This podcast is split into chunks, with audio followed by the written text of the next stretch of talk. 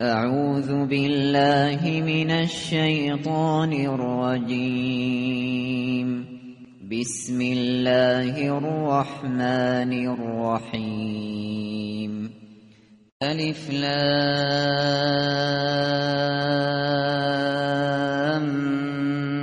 میم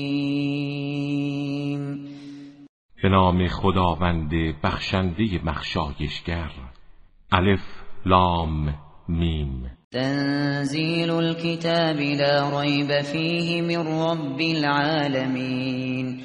این کتابی است که از سوی پروردگار جهانیان نازل شده و شک و تردیدی در آن نیست. ام یقولون افتراه بل هو الحق من ربك لتنذر قوما. لتنذر قوما ما أتاهم من نذير من قبلك لعلهم لعلهم يهتدون. ولی آنان می‌گویند محمد آن را به دروغ به خدا بسته است.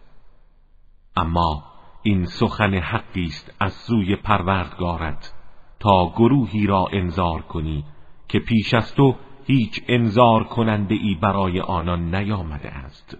شاید پند گیرند و هدایت شوند.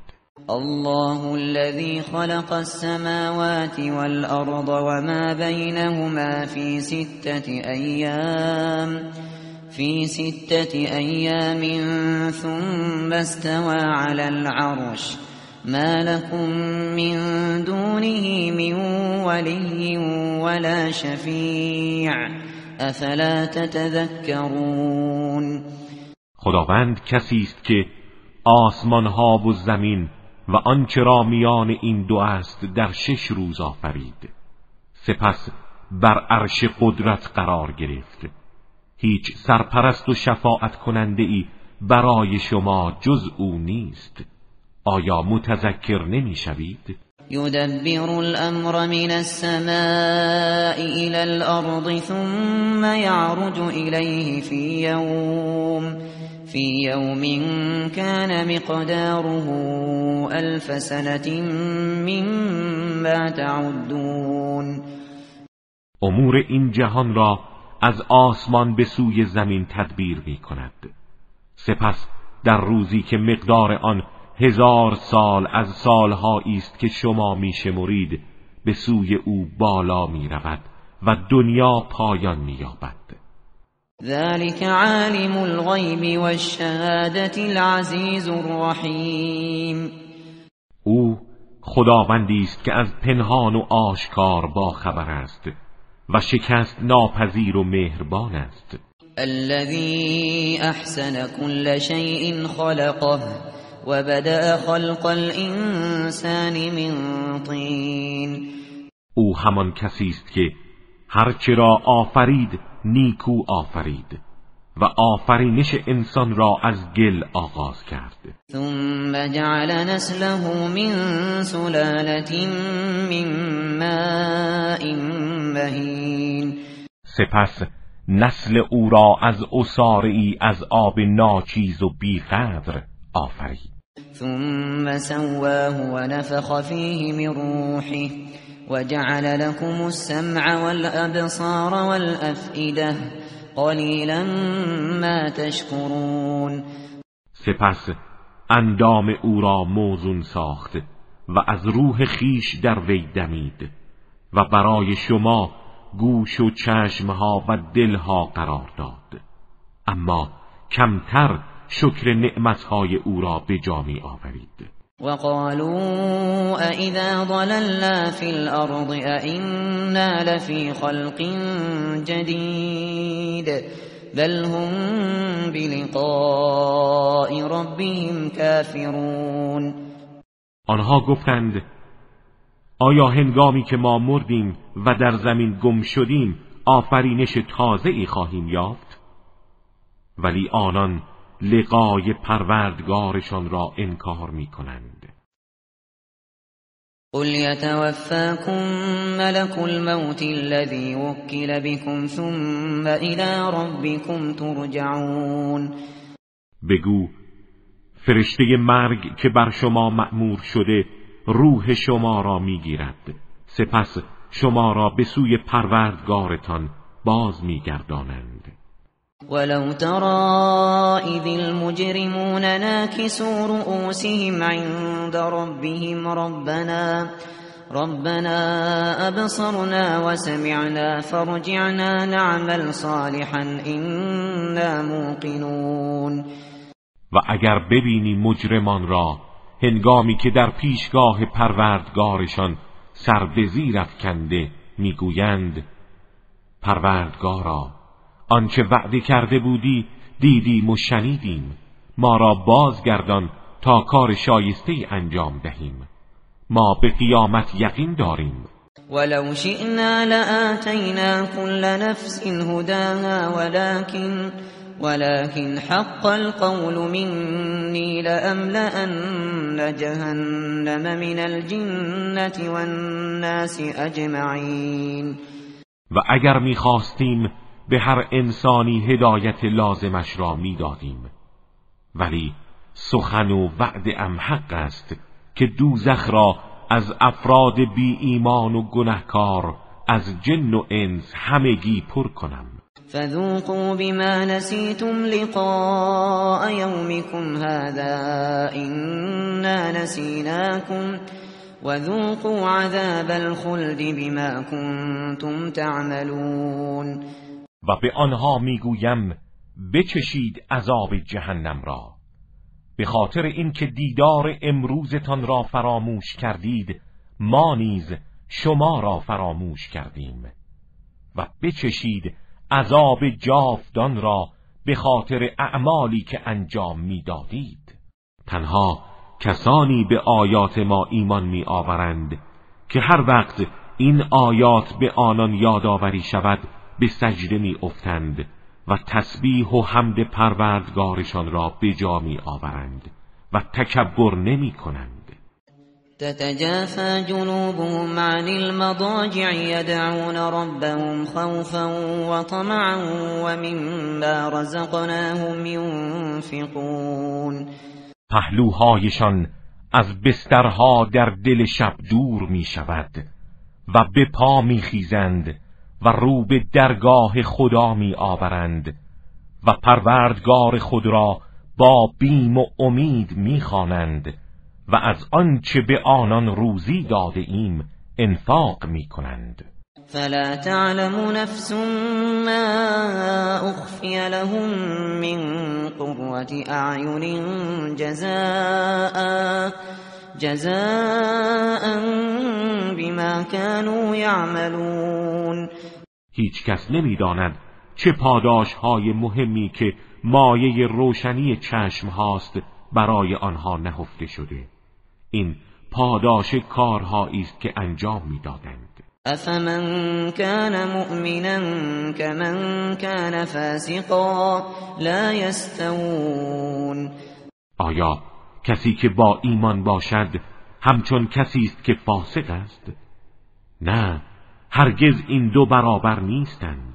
اما الذين آمنوا وعملوا الصالحات فلهم فلهم جنات المأوى نزلا بما كانوا يعملون. اما کسانی که ایمان آوردند و کارهای شایسته انجام دادند باغهای بهشت جاویدان از آن آنها خواهد بود. این وسیله پذیرایی خداوند از آنهاست به پاداش آنچه انجام می‌دادند. و اما الذين فسقوا فمأواهم النار كلما ارادوا ان يخرجوا منها اعيدوا فيها وقيل لهم وقيل لهم ذوقوا عذاب النار الذي كنتم به تكذبون. و اما کسانی که فاسق شدند و از اطاعت خدا سرباز زدند جایگاه همیشگی آنها آتش است. هر زمان بخواهند از آن خارج شوند آنها را به آن باز میگردانند و به آنان گفته می شود بچشید عذاب آتشی را که انکار می کردید ولنذيقنهم من العذاب الأدنى دون العذاب الأكبر لعلهم يرجعون به آنان از عذاب نزدیک عذاب این دنیا پیش از عذاب بزرگ آخرت میچشانیم شاید بازگردند. و من اظلم ممن ذکر بآیات ربه ثم اعرض عنها اینا من المجرمین منتقمون چه کسی ستمکارتر است از آن کس که آیات پروردگارش به او یادآوری شده و او از آن اعراض کرده است؟ مسلما ما از مجرمان انتقام خواهیم گرفت. ولقد آتینا موسى الكتاب فلا تكن في مرية من لقائه فلا تكن في مرية من لقائه وجعلناه هدى لبني اسرائیل ما به موسی کتاب آسمانی دادیم و شک نداشته باش که او آیات الهی را دریافت داشت و ما آن را وسیله هدایت بنی اسرائیل قرار دادیم. وجعلنا منهم ائمه يهدون بأمرنا لما صبروا لما صبروا وكانوا بآياتنا يوقنون و از آنان امامان و پیشوایانی قرار دادیم که به فرمان ما مردم را هدایت می کردند چون شکیبایی نمودند و به آیات ما یقین داشتند. این ربک هو یفصل بینهم یوم القیامت فیما كانوا فیه یختلفون. البته پروردگار تو میان آنان روز قیامت در آنچه اختلاف داشتند داوری می کند اولم يهد لهم كم اهلكنا من قبلهم من القرون يمشون في مساكنهم این في ذلك لآیات افلا يسمعون آیا برای هدایت آنها همین کافی نیست که نسلهای زیادی را که پیش از آنان زندگی داشتند هلاک کردیم؟ اینها در مساکن ویران شده آنان راه می‌روند. در این آیاتی است از قدرت خداوند و مجازات دردناک مجرمان. آیا نمیشنوند؟ اولم يروا أنا نسوق الماء إلى الأرض الجرز فنخرج به زرعا فنخرج به زرعا تأكل منه أنعامهم وأنفسهم أفلا يبصرون. آیا ندیدند که ما آب را به سوی زمینهای خشک میرانیم و به وسیله آن زراعتهایی میرویانیم که هم چهار پایانشان از آن می‌خورند و هم خودشان تغذیه می‌کنند؟ آیا نمی‌بینند؟ و یقولون متى هذا الفتح این کنتم صادقین آنان میگویند اگر راست میگویید این پیروزی شما کی خواهد بود؟ قل يوم الفتح لا ينفع الذين كفروا ایمانهم ولا هم ينظرون. بگو روز پیروزی ایمان آوردن سودی به حال کافران نخواهد داشت و به آنها هیچ مهلت داده نمی شود. فأعرض عنهم وانتظر اینهم منتظرون. حال که چنین است از آنها روی بگردان و منتظر باش. آنها نیز منتظرند. تو منتظر رحمت خدا و آنها هم منتظر عذاب او